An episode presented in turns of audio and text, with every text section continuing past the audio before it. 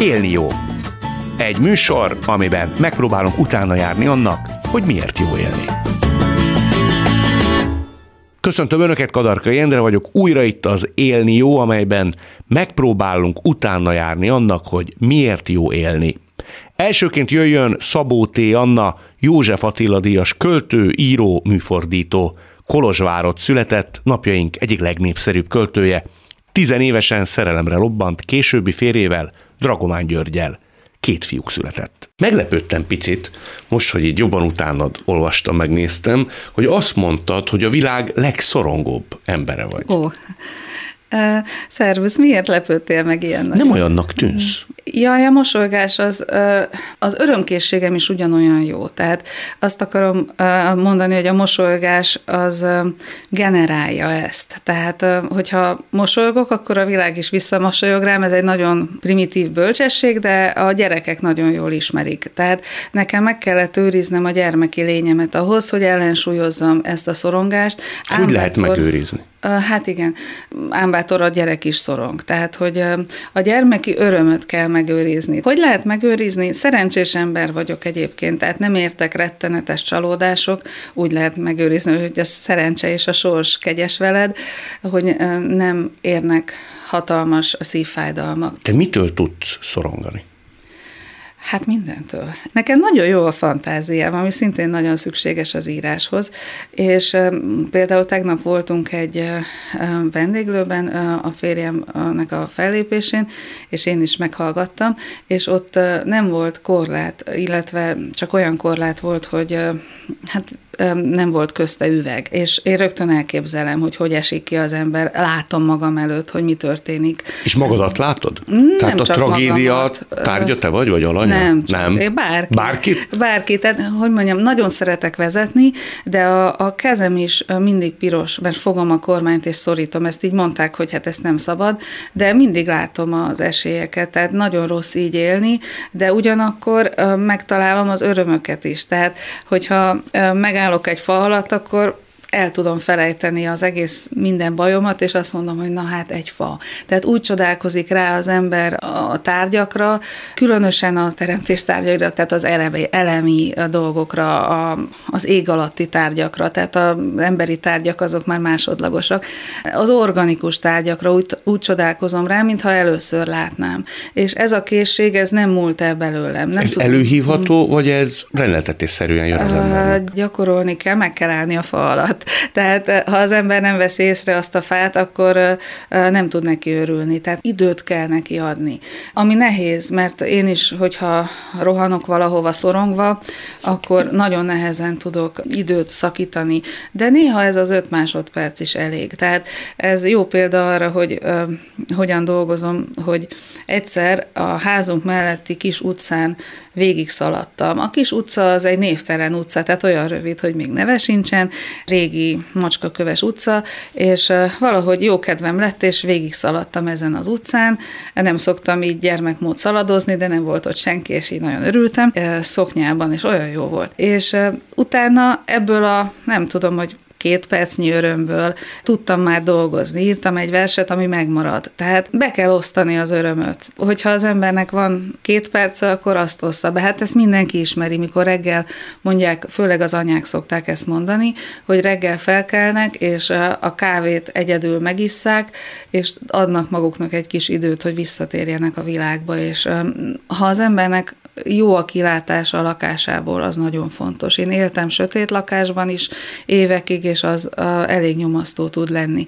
Tehát én nekem elemilyen fontos az, hogy legyen egy ablak, amin kilássak. Tehát lássam az eget, vagy lássak egy ágat. Lehetőleg süssön be a nap, de az nem annyira fontos. A dolgozószobám például nagyon sötét, nem mindig vagyok ott, azért igyekszem a lakás más pontjai lenni, de van egy kicsi ablak, ahonnan lehet látni egy egy tuját, szegény hervadozó tuja, de azért az ég ott van. Tehát ez a pici öröm már elég Érdekes látod, hogy ezt mondom, mert akkor mégiscsak egy világ, egy sötét börtön, ahol ott az ég kis ablaka, tehát lehet, hogy van mögöttem egy ilyen. Azt mondtad, az örömről terveztél beszélni. Az örömszerzés, az öröm lelés képessége, az fejleszthető? Az mindenkiben benne van?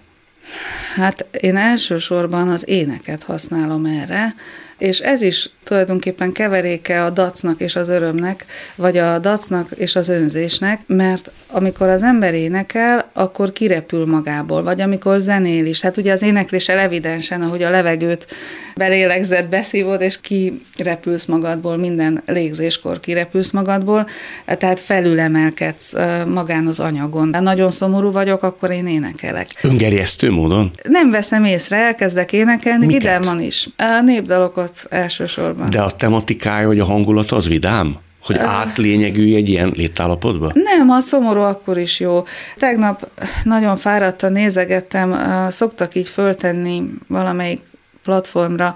Kis videókat, keresik a gyerekzenészeket, meg az amatőr zenészeket, és egészen lenyűgöző, hogy az egyéves kisbabától, aki elmélyülten zongorázik, és dobol, vagy másik meg dobol, az utcán furujázó legénykéig 15 gyerek dobol egy ilyen bádogtetőn, és elképesztő. Tehát ez a, a vadság, ez az ener, inkább energiának mondanám, tehát nem föltétlenül az örömnek ez a lágy kedvessége, az energia, ami az élethez szükséges. Tehát ha az ember inerciában van, ha tehetetlenségben van, akkor nem él. Az élet és a halál közti különbség energiája, ami lehet öröm, lehet fájdalom, sok minden lehet, tehát nem szükségszerűen csak az öröm tud kibillenteni, és az ének az mindig kibillent. Azt nem lehet közömbösen. A ritmust, az éneket egyszerűen nem lehet sem félve, az énekelni ugye szorongva nem lehet. Ezt mondom, mikor elmentem gyakorlót tanítani, én annyira szorongtam az iskola falaktól, hogy vissza kell mennem az iskolába, egyébként végigcsináltam tisztességgel, de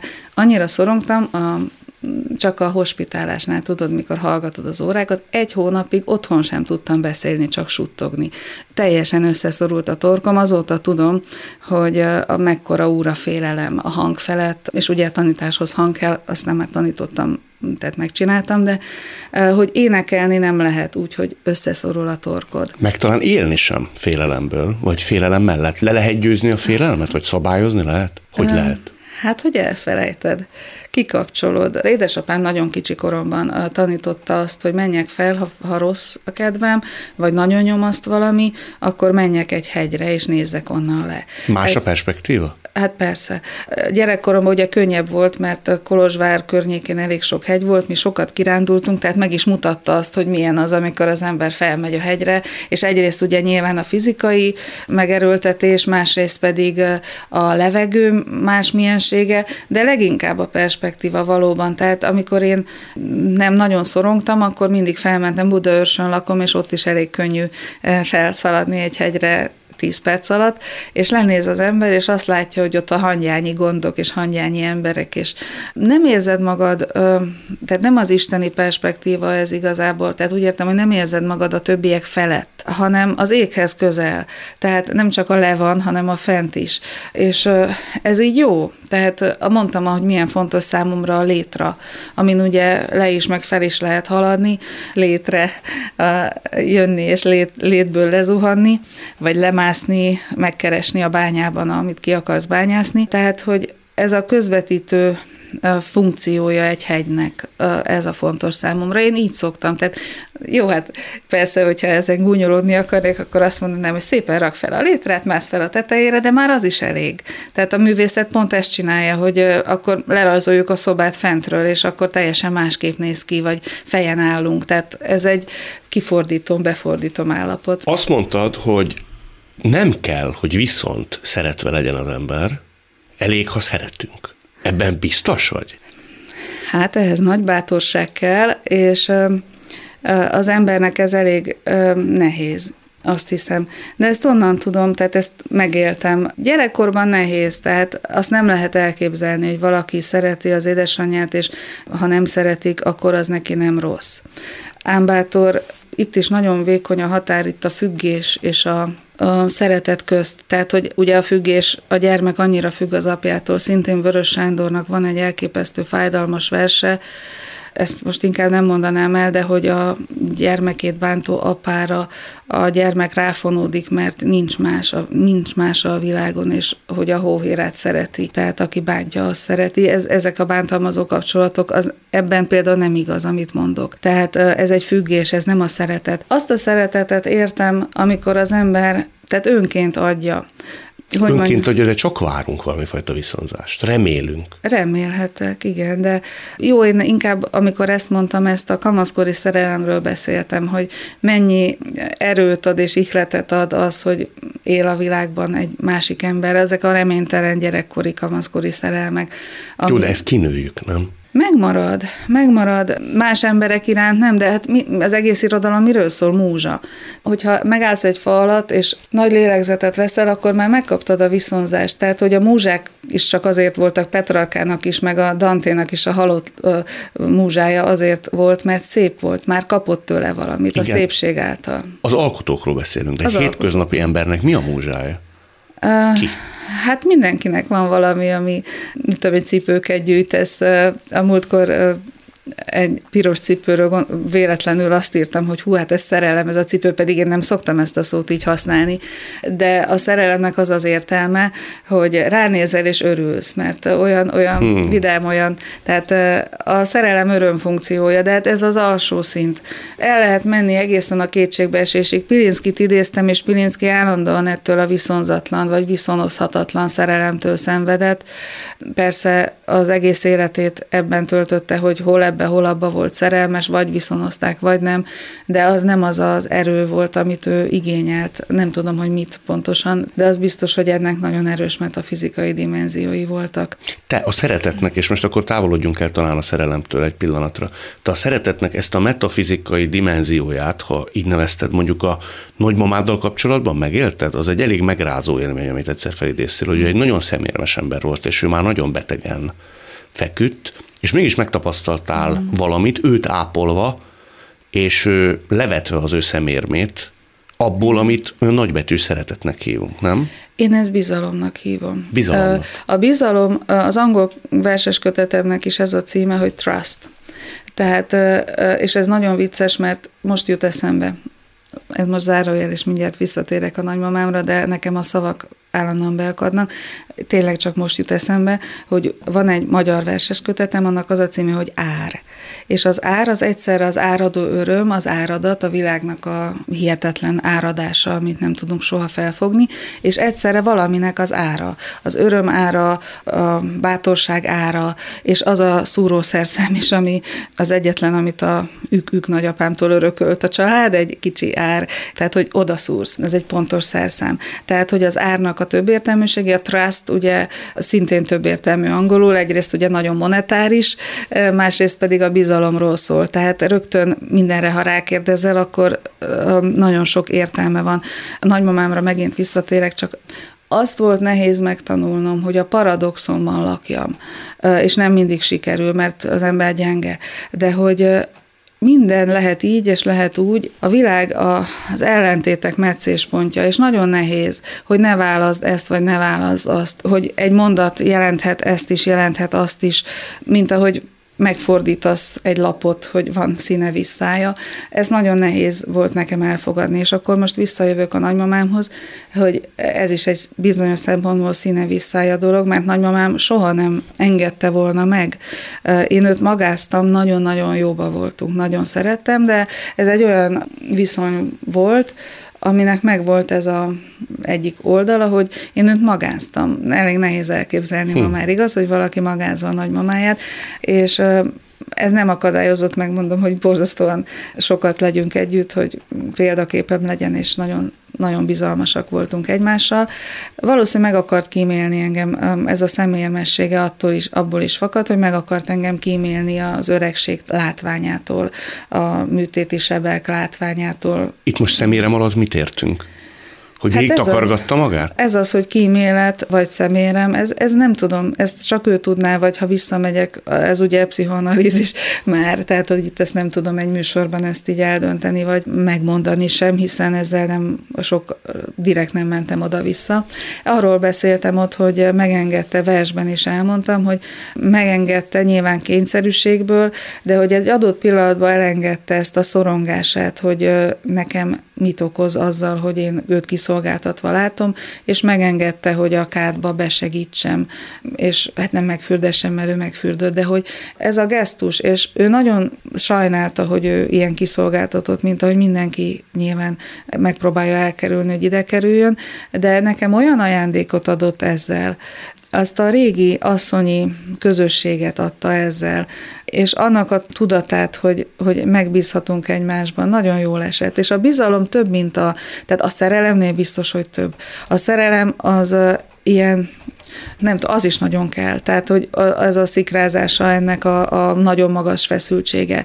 Igen, az a villámlás, de a, a, a bizalom az a villany, amivel látsz, amit használsz, amit, ami egy alap ahhoz, hogy ne maradjál sötétben. A villámlás az persze kell, de hát abban nem lehet, abba belehalunk. Nem lehet, hogy mondjam, belenyúlni a konnektorba, hanem a, a bizalom az, az nagyon kell az alap. Ez egy kényszerhelyzet is volt abban a pillanatban. Ez egy nagyon érdekes időszak volt, mert akkor az esküvőmre készültem, tehát hogy pont a kibomló női örömnek az éle, és akkor hirtelen ezzel szembesülni.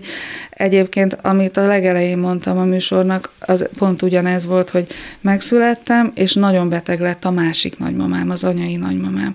És uh, édesanyám egyik szeme sírt, másik szeme nevetett, mert uh, hol a, azt hittük haldokló, tehát nagyon kis hiány, meg ott maradt a kórházban, nagymamámhoz járt, hol hozzám. És az ember ezt érzi, a tragédiának a szelét, a tragédiának a lehetőségét érzi babakorában is. És ez egész kicsi koromban történt velem, és utána három éves voltam, amikor vártuk a testvéremet, és nagyon vártuk, és öröm, öröm, öröm, és meghalt, mikor született. És ez is, tehát, hogy egyszerre látom kigyúlni és kialudni a fényt az édesanyám szemében. Másra nem emlékszem, de Látod, el is szorul a torkom. Nem gyakran beszélek erről, hogy az első testvéremmel mi történt, és azért ezek rányomják a, a emléküket a, egy családnak a történetére. Akár beszélsz róla, akár nem. Nem beszéltünk igazából ezekről. A nagymamámmal nagyon sokat beszélgettünk ezzel a nagymamámmal, az apaival, de az ember nem reflektál a kiszolgáltatottságára, vagy csak humorral. Humorral igen. Tehát ő neki nagyon jó volt a humora. Ez nem egy humoros pillanat volt, ez egy bizalmas és szép pillanat volt, de a humor, humor nagyon kellett. Tehát például nagyon rosszul érezte magát, és akkor olyan, hogy ülök az ágyaszél, és mondta nekem, hogy milyen ágyrugót kell venni, és akkor mondom, mondja, nagymama, elfelejtettem, és ez ugye, ugye nem szerencsére nem akkor halt meg, de hogy halálos ágy, és mondta, hogy epeda, és mind a ketten nevettünk, hogy egy ilyen pillanatban erről beszélünk. Tehát nem, kell a humor ehhez. Géscsókon, mondta Kosztolányi, bocsánat.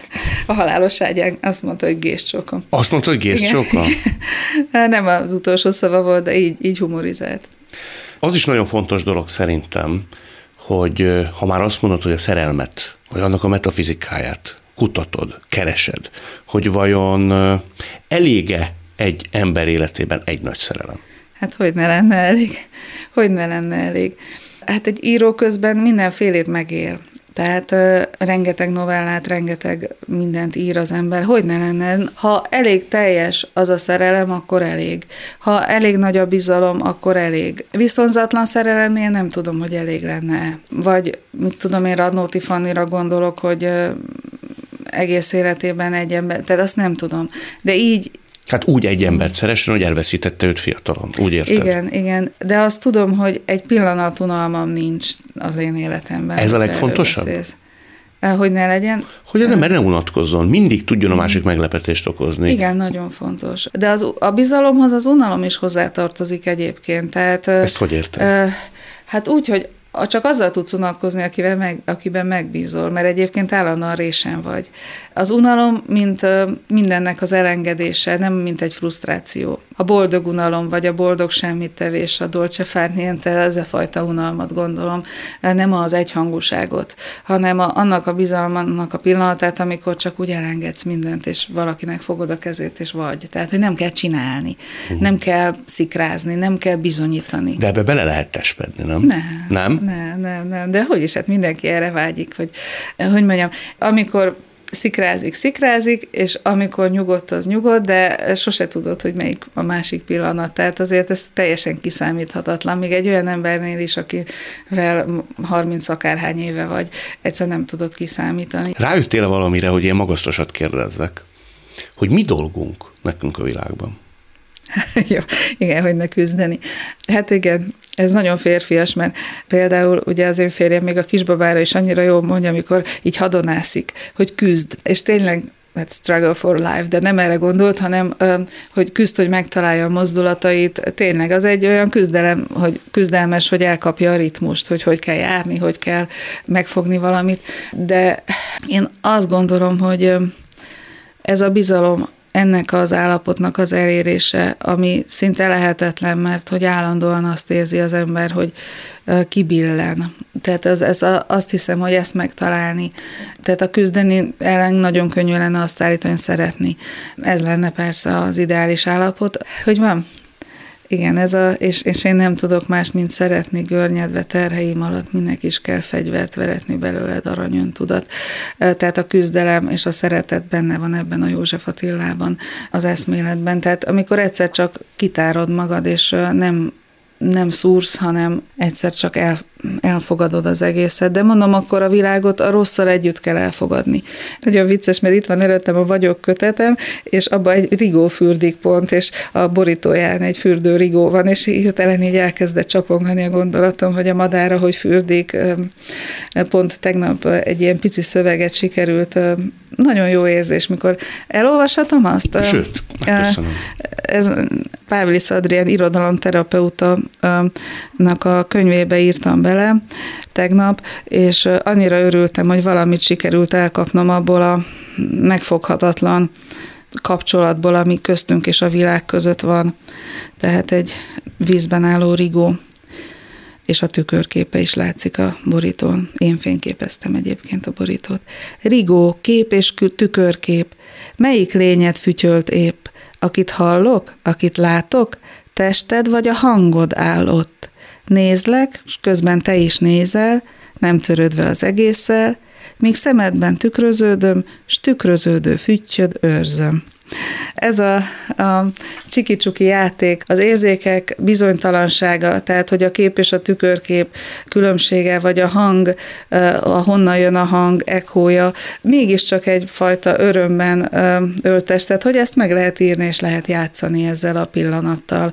És az, hogy a Rigó most rigót most én érdeklem, az nem számít, a viszonzatlan szerelem. Én nézem ezt a rigót, örülök neki, aztán, hogy ő szerete vagy nem, én már kaptam tőle valamit, énekelt. A boldogság a bizalom, amikor nem kell tüskésen védekezned. Én azt szoktam mondani, amikor gyerekekkel beszélgetek, tehát elég sokat járok gyerekek közé, mondjuk kérdeznek arról, hogy hogy írjanak, vagy mi, a, mi kell ahhoz, hogy tudjanak haladni egy pályán, akkor azt szoktam mondani, hogy egyetlen pontból kifordítod a világot azt hiszem, hogy ha egy pontod van, amiben bízol, amiben biztos vagy, akkor onnan a többi már uh, menni fog. És azt szokta, arra szoktam biztatni a gyerekeket, hogy keressenek valakit a világban, még akár egy állat is lehet. Sőt, még tényleg régebben ugye hogy ne ugorjanak a kútba, belekiabálták a kútba a bánatukat. Még egy kút is lehet, amiben biztosan bele tudod kiabálni. Valamit találj, a, egy biztos pontot, és onnan, onnan tényleg, hát ugye ez nem, nem is a történelemben nem is költészeti vagy művészeti dolog, hogy adjatok egy biztos pontot, és kifordítom a világot, hanem nagyon konkrétan fizikai eredete van, tehát valószínű, hogy ez egy törvény a világban. És a lélektannak is számomra az a törvénye, és a boldogság alapköve az, hogy alapköve látod, tehát az a biztos pont az alapkő, ahonnan el tudunk indulni, próbakő, ami a, a bizalom. Ha nincs senki, akiben megbíznál, ha egyedül vagy, és még nem is hiszel, akkor véged van. A bizalom az, amikor ott vagy valakinek a tenyerében, és, és nem fog rád fújni, és nem tudom. De jó, már mindjárt, mindjárt költői képekben gondolkodom, mert így jár az agyam.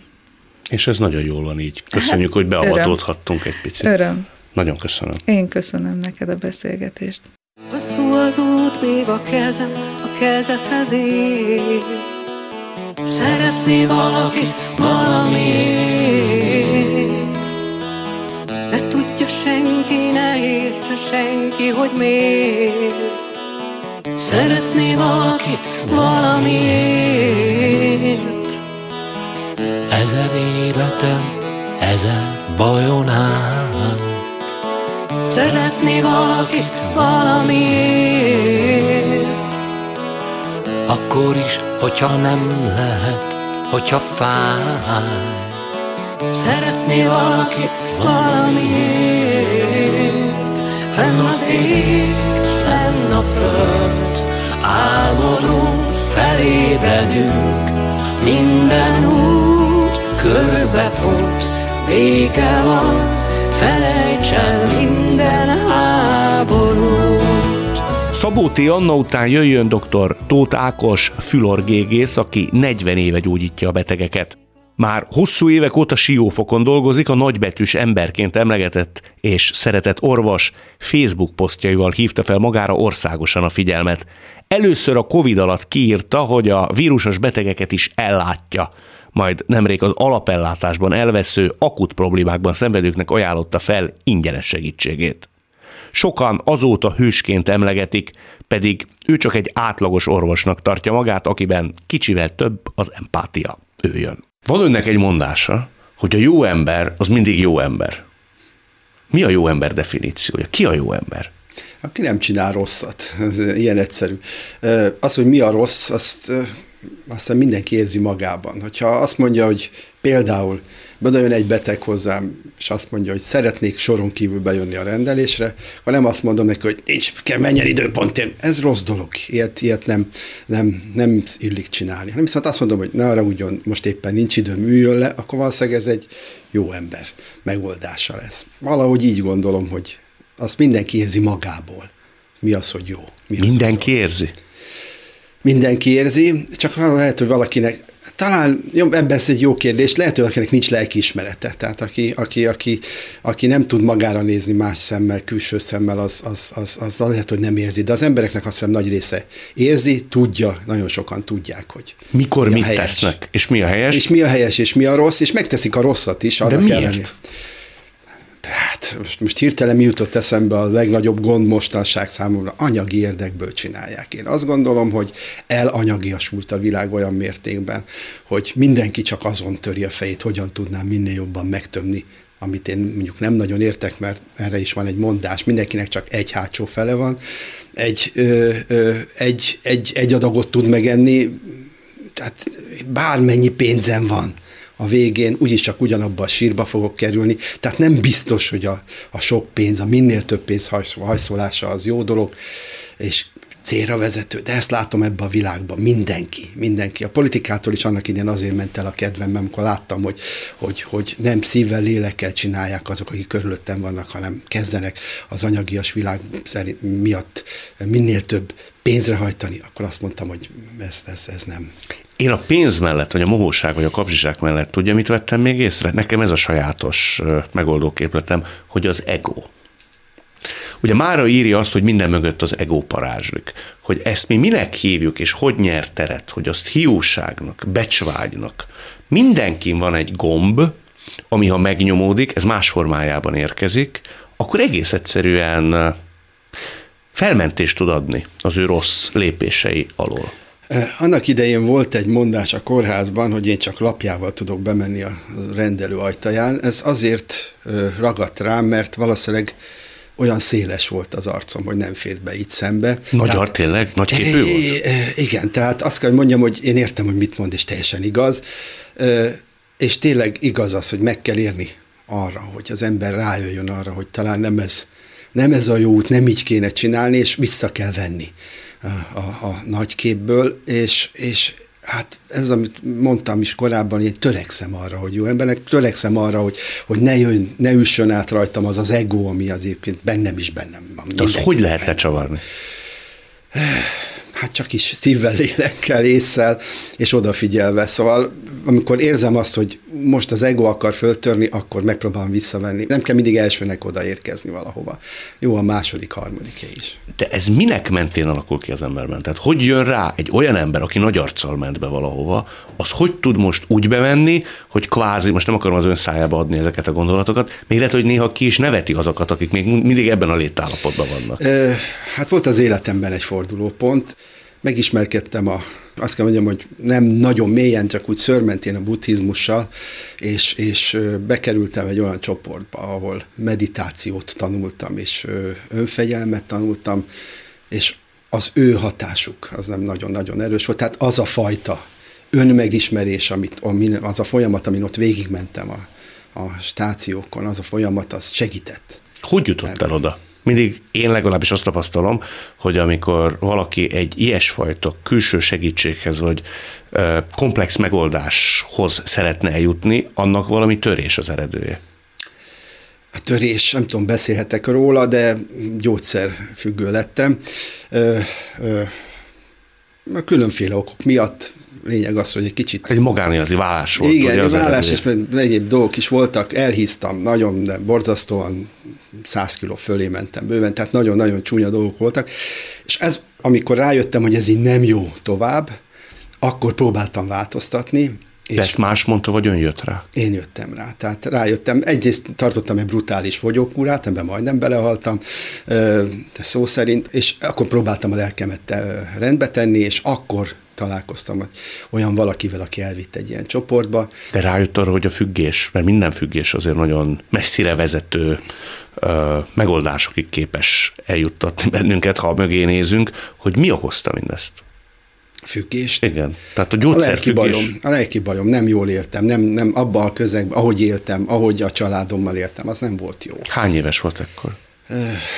40, 43. A karrierjét is veszélyeztette már? Nem, nem, azt nem. Tehát, az, tehát az, ellátta a munkáját? Rendesen, tehát nem vett, senki nem vett észre alattam semmit, meg nem volt sem. Egyszer nem tudtam gyógyszer nélkül aludni, és egyszer jobban, egyre jobban kellett a adagokat emelni. Napközben azért el voltam, éjszakáim szörnyűek voltak, tehát nagyon, nagyon... Démonok jöttek a démonok? Igen, igen, igen, és nem hagytak aludni. És akkor volt egy pont, gondolom egy recsenés, amikor azt mondta az ember, hogy segítséget kell kérnem. Igen, mert az élet szép. Igen? Az életet élni kell. És, Ezt menet közben is így gondolta, doktor úr? Igen, igen. Akkor, tehát végül is az a, az a fajt, az, az, hogy az élet szép, azt egész életemben gondoltam, csak arra a szépségre, amit ott, ami után, ezután az egész folyamat után rájöttem, azt korábban nem láttam. Tehát azt a fajtát. És, és, és olyan nagy volt a változás az életemben, hogy eleinte nem is akarták elhinni, mert ez hirtelen gyakorlatilag egy pár nap alatt játszódott le egy olyan folyamat bennem, aminek a végén én teljesen más embernek éreztem magam, és a lányaim, amikor mondtam, hogy ezentúl minden másképp, ezt nem akarták elhinni, hogy más valaki jött haza, mint aki korábban elment. De aztán utána mindenki rájött, hogy tényleg ezért kicsit más lettem. Miben? Például a kapcsolataimban. Az összes kapcsolatomat megpróbáltam ott rendezni, és ö, ö, olyan, hát korábban ilyen nem volt, hogyha valakivel találkoztam, akár családból, hosszasan megöleltem. Most ez mindig így van, hosszasan megölelem, mert át kell adnunk azt a, azt a ö, ö, szeretetet, energiát, ami éppen bennünk van irányában valahogy, és ennek az egyik legjobb módszere az ölelés. Arra rájött, hogy korábban mi gátolta meg mindezt? Hát az egóm valószínűleg. Kiszolgáltatott az ember, vagy ilyen leeresz, vagy hogy mondják ezt, tehát ilyen túlságosan kitárulkozó? Nem, ezt nem tudom, ezt, ezt, ezt, ezt nem tudom megfogalmazni. Valami gát volt bennem, ezt a gátat próbáltam meg, de nem tudtam persze erről a gátról sokáig, ezt a gátat, amit lehet, hogy egóm, valami más ezt nem tudtam megszabadulni tőle egészen odáig, és úgy érzem, hogy azóta. Ma már ilyen magától értetődően megöleli a másikat? Igen, a barátaimat is, mindenkit. Hogy reagáltak erre mondjuk az elején? Hát furcsán. Főleg, amikor uh, még mondjuk adtam egy puszit is a végén. Tehát, hogy, de aztán most már ez teljesen, teljesen így bevett szokás nálunk. Nővérként is kvázi kipróbálta magát, ugye szakállas nővérnek hívta magát, Pontosan azért, hogy megnézze azt, hogy abban a fajta stációban, vagy ebben a munkakörben mi megy keresztül valaki. Popper Péter mondta azt, hogy írta valahol tán, hogy szerinte minden orvosnak érdemes lenne kivenni a vakbelét. Hogy feküdjön öt napig valahol, hogy tudja meg, hogy az a másik látószög, meg az a nézőpont. Ez pontosan így. Az a milyen? tű másik végén lógni, ezt így mondjuk. Ez teljesen más világ. Ezt ötödéves koromban történt az, hogy elmentem éjszakás nővének a János kórházban, rettentő tapasztalat volt számomra. Tudnélik, tudtam azt, hogy mit tudok megkövetelni a nővértől. Azt mondja, hogy ezt nem lehet megcsinálni, akkor megmondtam, hogy de meg lehet, és megmondtam neki, hogy hogyan, mert én tudtam. Van egy film is egyébként, egy szívsebészről szól, akinek gégerákja lesz, az volt egy szintén egy nagyon meghatározó élményem. Gégerákja lesz, és ő a legnagyobb egós szívsebész New Yorkban, vagy valahol ott Amerikában, és ö, érdekes azt a filmet azért megnézni, lássuk ezt a folyamatot, hogy hogy, amint bekerül az ellátórendszerben, amikor szembe kerül a nagy arcú fülorgégésszel, és akkor kiröhögi a, a másik fülorgégészt, aki alvás közben suttog a betegének és simogatja, hogy ez milyen hülye, és a vége az, hogy amikor végigmegy a folyamaton és meggyógyul, akkor beviszi a medikusait egy üres kórházrészbe, és elrendeli neki a vizsgálatokat, amik éppen aktuálisak, és mondták, hogy csak azért, hogy tudjátok, hogy mit rendeltek el kinek, és a vége ugye természetesen őt is az a fülorgégész fogja meggyógyítani, aki suttog a betegeinek. És a film utolsó jelenete, amikor egy szív műtét során már ugye gyógyultan a elaltatott betegnek belesúgja a fülébe, hogy meg fogom gyógyítani. Ez a film egy nagyon meghatározó élmény volt számomra szintén, annak idén többször megnéztem, mert ezen a stáción azt hiszem én is egy bizonyos fokig ugye keresztül mentem. De nem a betegség kapcsán, hanem más. Hogy a másik pozícióból is Másik pozícióból látni kell, látni kell, és együtt kell érezni a beteggel. Abban a minutában, hogy tudja, hogy ő mit érez, onnantól kezdve nem lesz probléma. Már akkor, ha már tudja, hogy abban a helyzetben ő mit érzett, akkor a beteget is tisztelni fogja. Ez, Ez szerintem az élet minden területére érvényes. Egy vita helyzetnél, egy konfliktus helyzet esetén is nem árt, ha tudjuk, hogy a másik épp most milyen látószöget alkalmaz, mert neki valahol szintén lehet, hogy igaza van, még ha mi száz százalékig is biztosak vagyunk abban, hogy mi látjuk jól. Igen, de én mindig azt szoktam mondani, ha nagyon nem értek egyet, az a te álláspontod, az enyém, nem biztos, hogy a kettőnek egyeznie kell. Neked is igazad van, a te szemszögödből, nekem is az enyémből. Ez, ez teljesen így van. Azóta suttog a betegeknek? A film óta? Igen, elő is fordult többször. Nemrég is egy kislánynak egy ormandula műtét kapcsán. Kicsit nehezebben vette a levegőt, akkor megsúgtam neki, hogy ezt most nem így kell csinálni, hanem igenis most vedd rendesen, és ébredj föl, és akkor nem volt gond. Hmm. Hiszek benne, hogy hallják. Hallják? Hiszek. Van is egyébként erre kutatások is vannak, voltak olyan problémák, hogy végig hallotta a betegaltatás közben, hogy körülöttem miről beszélnek az orvosok, és ebből botrány lett. Tehát arra én speciál azóta is nagyon figyelek, hogy olyan ne hangozzon el ott a műtőben, amit esetleg, ha véletlen hallana a beteg, akkor, akkor abból probléma legyen. Tudok titkot tartani előtte, meg úgy általában véve az, az orvosok egymás közt egy-egy ilyen műtét kapcsán beszélgetnek úgy is, hogy azt nem feltétlen kellene hallani a betegnek, van, ugye? Ez természetes olyan beszélgetések is zajlanak, amik nem odavalók. Akkor azért, hogyha olyan, azért szoktam szólni, hogy ezt erbe az irányba azért nem menjünk el, de ö, ö, azért én arra odafigyelek, hogy én semmi olyat nem mondjak, ami esetleg később a gyógyulását hátráltathatja a betegnek. Ezt se gondolta volna, hogy ilyeneket fog foganatosítani, mondjuk 20 évvel ezelőtt. Nem, nem gondoltam. Ön hit egyébként abban, most már nyilván példázza az ön története, hogy az embernek van egy nagyon komoly fejlődés története? Tehát, Bizt, hogy tud változni az ember? Biztos, egész biztos. Mindenki tud változni, és mindenki változik is. Tehát senki sem olyannak marad, amilyennek született, teljesen más. Ebbe biztos? Ebbe biztos vagyok, tehát ez, ez ezer százalék. Vannak bizonyos genetika által meghatározott tulajdonságok, ez természetes. Sőt, a habitusunk is egy jó része, az genetikailag determinált, tehát ez ezt, ezt, ezek tények.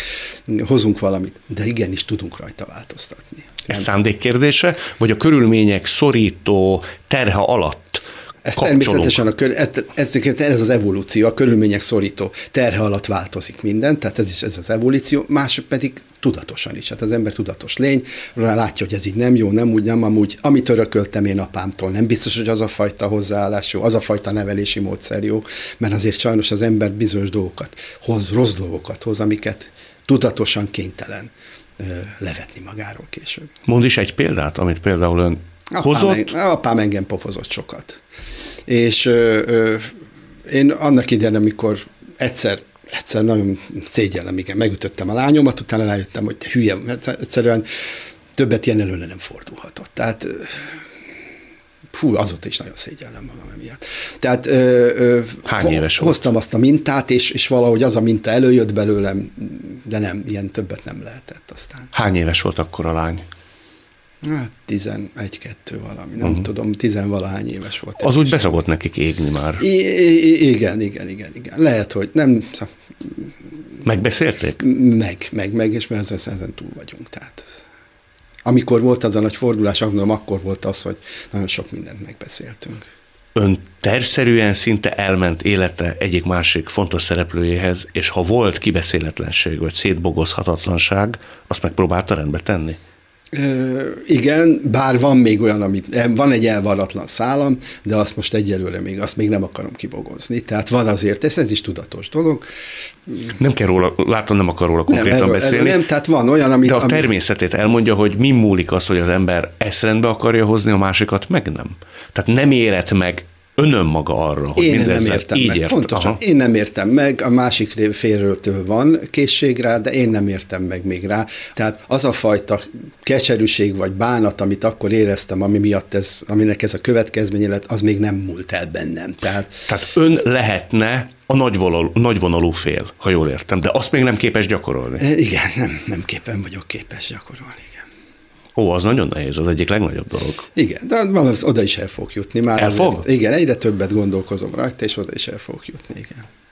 Almás Éva mondta egy interjúban, ez nekem nagyon megmaradt, hogy a sértődés az mindig kicsinyes és nevetséges. Így van. A megbántódás az arányos és súlyos. Úgyhogy jól sejtem, hogy megbántódott. Ö, a, igen, igen, igen. Megbántottam, maradjunk ebben, ez tényleg erről nem akarok beszélni, ez egy személyes dolog, de megbántottam, és nem, ez, ez, ez, ezen még nem tettem magam teljesen túl, de már azért egyre inkább. Az idő ezt is valahogy úgy elrendezi? El, el, teljesen. Tehát megváltozott azóta is a világ. Tehát ami az alapja volt ennek az egésznek, az már eltűnt, megszűnt, annak már nincsen olyan probléma, úgyhogy túlléphetünk rajta. Azt mondja, hogy gyerekorvos lett. Fülorgégész. Fülorgégész, de hogy gyerekekkel is foglalkozó. Igen, igen, igen. Azért az nem volt olyan magától értetődő. Ön jól tudom, hogy olyan nagyon nem lelkesedett azért a gyerekekért, ugye? Amikor elkezdtem a pályámat, nekem eszembe se jutott, hogy erre felé vagy arra felé még tendáljak. Viszont jöttek a gyerekek, és megfogtak. Tehát azzal az őszintességgel, azzal a, azzal a kisugárzó energiával, amit végül is kaptam tőlük, amit utólag már tudom, hogy mit kaptam, az, az, az engem rávitt arra, hogy, hogy őket, ők ugyanezt sugározzam vissza, és így kezdődött el gyakorlatilag az életemben ez a sugárzozzam vissza a pozitív energiát. Megtanultam azt hiszem gyerekekkel kommunikálni, nem nehéz, csak rá kell jönni bizonyos dolgokra. Hogy kell? Vidáman és kedvesen és aranyosan is el kell terelni a figyelmüket, ha valami rossz dolog történik. Akkor is, ha nekünk nincs jó kedvünk? Akkor is. De a gyerek engem mindig, egy gyerek engem mindig jó kedvűvé tesz. Tehát, hogyha bejön egy gyerek, és kedves, aranyosan leül oda velém szembe, a rossz kedvem nekem akkor is jó kedvem lesz utána. A rossz kedvem lenne akkor is. Tulajdonképpen ezért csinálja az egészet. Igen, igen. Hogy jó kedve legyen. Igen, igen, igen. És a gyógyítás is egy, egy, egy jó kis endorfin szinten elő azért. Az meg, a gyógyuló beteg az, az, az, nagyon emeli az embernek a jó kedvét és endorfin szintjét. De a gyerek az, amikor, tehát az egy felülmúlhatatlan dolog, amikor ö, ö, oda jön a gyerek, átöleli a lábam, oda szól, és azt mondja, doktor bácsi, köszönöm, hogy meggyógyítottál, ez őszinte, spontán, és egy olyan köszönetnyilvánítás, amit senki sehol nem tud megadni. Csak a, a tekintete is bepárásodik. Igen, ez, ez, ez akkor volt, igen. Volt ilyen? Így, volt már ilyen, igen. Volt már olyan. Látta a gyerek? Nem. Nem? Nagyon jó az a visszajelzés, amiket kapok. Tehát nagyon sok visszajelzést kapok, a, a pozitív visszajelzést a betegeimtől is ez jó. Azóta is nagyon sokat kapok, úgyhogy ez, ez most is van itt egy kis. Igen, látom. És valami. Szóval ez, ez engem, engem meghat, és nagyon, tényleg nagyon, nagyon, nagyon pozitív energiával tölt el. Tehát az, hogy én még mindig dolgozom, ugye 66 éves vagyok, 40 évet dolgoztam az egészségügyben, elmentem nyugdíjba, még mindig dolgozok, az azért annak is köz, nem, nem más miatt annak köszönhető, hogy az, a betegekkel való kontaktus, ez a fajta pozitív visszajelzés, ez nekem kell, nélkül nem nagyon tudok élni. Tehát én továbbra is gyógyítani szeretnék, nem pénzért, nem ezért, nem azért, hanem azért, mert ez nekem jó, hogyha gyógyíthatok. Hallom, hogy olyannyira lelkiismereten csinálja mindezt, már mint a gyógyítást, hogy négyszer-ötször is ránéz például egy betegre operáció előtt, ami az én emlékeim szerint azért nem annyira gyakorlat másoknál. Volt olyan, ugye az nálam mindig, mindig, tehát engem mindig izgatott a beteg állapota, mondjuk műtét után, és én tudni akartam, hogy milyen állapotban van, és bár igaz, hogy a nővérek mindig jelentettek, de azért én mindig bementem megnézni, és mindig utána, mindig bementem érdeklődni, bemegyek érdeklődni, hogy hogy van, mint van, látni akarom, hogy jól van, mert nehogy valami olyasmi történjen, amit valaki nem vesz észre. Tehát magyarul szeretem ö, ö, mindig nézni, ezt nem mindenkinél van így, ezért néha föl is tűnt ott azért, hogy én túl sokat járok be, de azért, mert, mert, mert látni akarom, hogyan gyógyulnak, mind gyógyulnak. Eszik-e már a gyerek, veszi már rendesen a levegőt. Ugye fáj még, nem baj, még egy kis fájdalomcsillapító. Tehát ez viszont sokat számít a betegeknek is, hogy az orvos azért Igen. megtartja a kontaktust. Erre mondja azt, hogy az orvos egy gyógyszer. Ezt az egyetemen tanították. Tehát tanították, hogy az orvost ugyanúgy lehet adagolni, mint a gyógyszert. A nagy fehér varázsló az megvan most is. Hát annak idején a, a törzs, törzsbe is tudott a varázsló gyógyítani, mert a fele a betegségeknek maguktól meggyógyul, azt meg tudta a varázsló gyógyítani, a másik felé ez kell az orvos. Na most ezt a nagy fehér varázslót, ezt, ezt lehet adagolni, és ezt igenis kell is adagolni, és, és egy jó szó, egy, egy, egy, egy, például egy személyes kontaktus is, tehát az, hogy csak ráteszi az orvos a vállára a kezét a betegnek, belenéz a szembe, és mondja, hogy nem lesz semmi baj, jó lesz, akkor az a beteg, annak ez egy fél gyógyulás, mert megerősítem a, gyógy, a belső gyógyító energiáit, hogy meggyógyuljon. Ez a belső gyógyító energia az pedig végtelenül gyógyítja az embert, ezt tudjuk a legvadabb betegségekből meg lehet gyógyulni. Ha van pár jó szava az orvosnak. Most ezt nem, ezt most sarkítva. Sarkítva mondtuk. Sarkítva, igen. de igen, a belső energiák tudnak gyógyítani, nagyon sok csodálatos gyógyulásról lehet hallani, hogy van, olyan betegségben meggyógyultak, hát már lemondtak róla. Igenis, van belső gyógyító erő, ami egyébként az immunrendszerre vezetne vissza, de az végül is egy bizonyos fajta energiával, belső energiával lehet aktivizálni. Tehát igenis az orvos azzal, hogy rámosolyog a betegre, biztatja, mondja, hogy minden rendben lesz, ezzel ő gyógyít, és alkalmazza az orvosgyógyszert. Azt mondta, hogy a legnagyobb stressznek azt érzi orvosként, hogy hibázik. Igen. Tehát, hogy itt ennek azért tényleg, és én mindig megsüvegelem mindezt, iszonytató következményei vannak. Tehát én kérdezek egy baromságot, hát legrosszabb esetben hárman odaírják, hogy egy agyament hülye vagyok, joggal, viszont ha ő hibázik, annak emberélet lehet az ára. Így van. Tehát az egész pályafutásomat gyakorlatilag végigkísérte. Nem azt mondom, hogy rettegés, ez a félelem, a tartás. Most is, ahogy idősödöm, ez mindig erősödött, mert ha már megúsztam eddig, akkor azt a maradék pár évet már úszom. Hogy nagyot már, ne hibázzak? Hogy ne hibázzak nagyot. Olyan orvos nincs, aki nem hibázik. Mindenki hibázik, kisebben, nagyobbat, de megpróbálja ugye korrigálni, hogyha rájön. Tehát azért ennek megvannak a módja, hogy hogyan lehet ezeket a dolgokat rendbe tenni.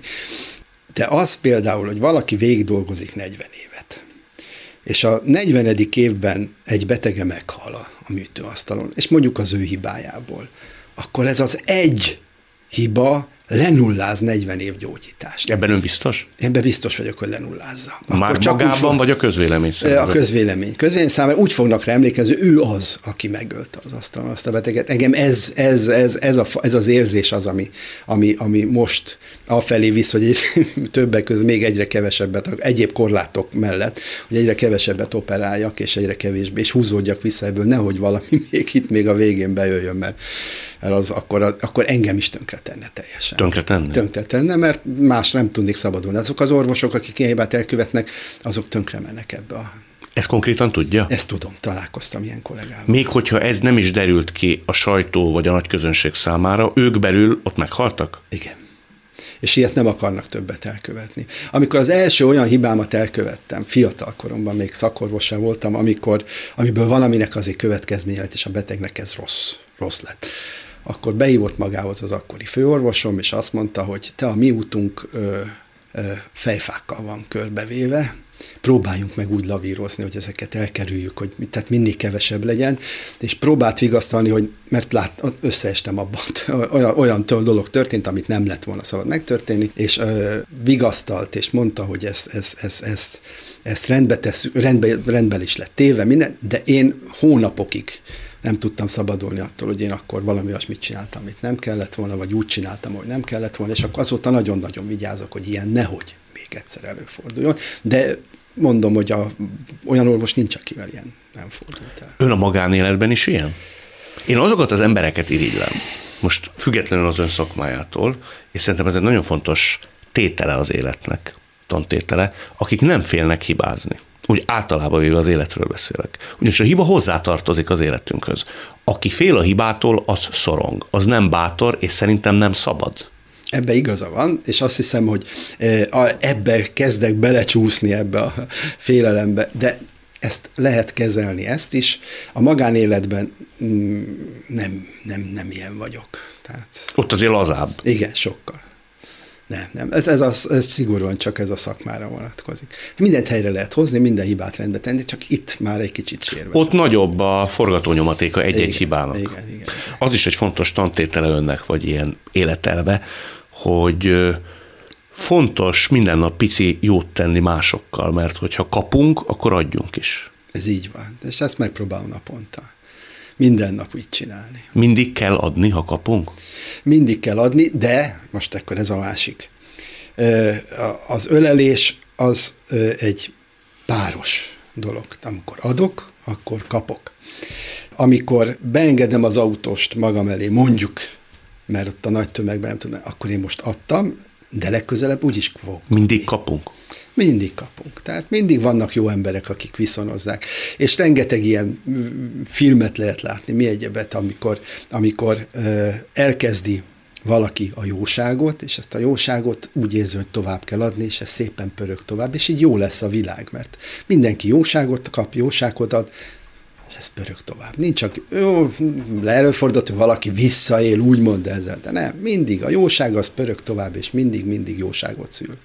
Hát akkor pörögjön ez tovább. Láttunk, hallottunk egy jó embert, suttogjon sokáig a betegek. Köszönöm szépen. Én is köszönöm. Mind Szabó T. Anna, mint Tóth Ákos, mintha újra és újra a bizalom és a szeretet megkerülhetetlen fontosságát hangsúlyoznák. Nem biztos, hogy ezeket mindenkor olyan könnyű gyakorolni, de nélkülük alig, ha gondolhatjuk azt, hogy élni jó.